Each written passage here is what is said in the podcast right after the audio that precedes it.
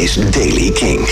Nieuws over de Foo Fighters, Snow Patrol, Universal Music, Friendly Fires en The Streets. Dit is de Daily Kink van donderdag 18 juli.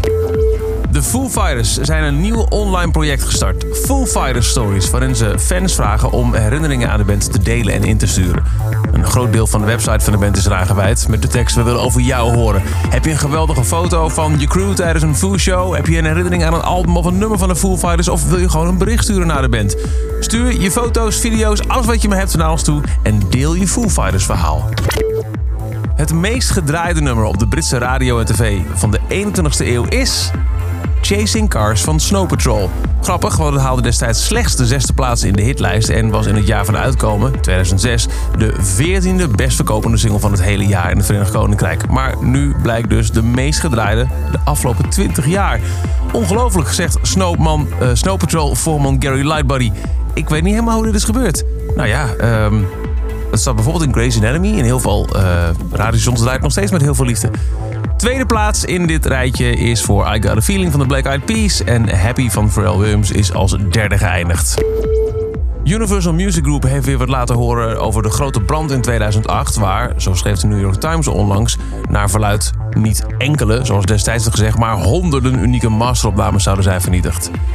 In een interne memo van Pat Krause, senior vice president van opnamestudio's en archiefbeheer van Universal, is nu bekendgemaakt dat er tot nu toe 22 masteropnames van vijf niet genoemde artiesten als verloren worden beschouwd volgens officieel intern onderzoek.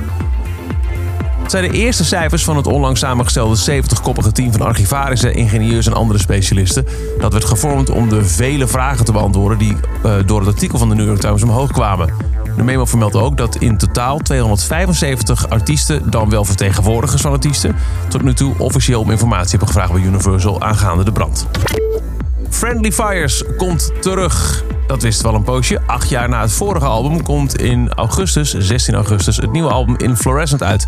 Daarvan zijn al tracks uitgebracht als Love Like Waves, Haven't Let Me In en Silhouettes. Die laat sowieso op Kink. En nu is er ook een Britse en Europese tour aangekondigd die ze ook naar Nederland brengt. Zondag 10 november staat Friendly Fires in de Q Factory in Amsterdam. De Streets komen dit en volgend jaar met twee nieuwe albums. Dat heeft frontman Mike Skinner onthuld. In een nieuw interview zegt de muzikant uit Birmingham dat ze bezig zijn met het zesde studioalbum, opvolger van Computers and Blues uit 2011. Een album dat, zo zegt Skinner, een album wordt vol duetten en hopelijk tegen het einde van deze zomer al uit zal komen.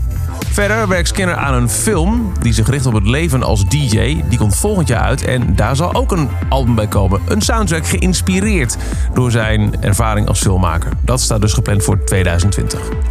Tot zover de Daily Kink. Elke dag in een paar minuten helemaal bij met het laatste muzieknieuws. En je kunt deze podcast dag in dag uit vinden op kink.nl, in Spotify en je favoriete podcast app.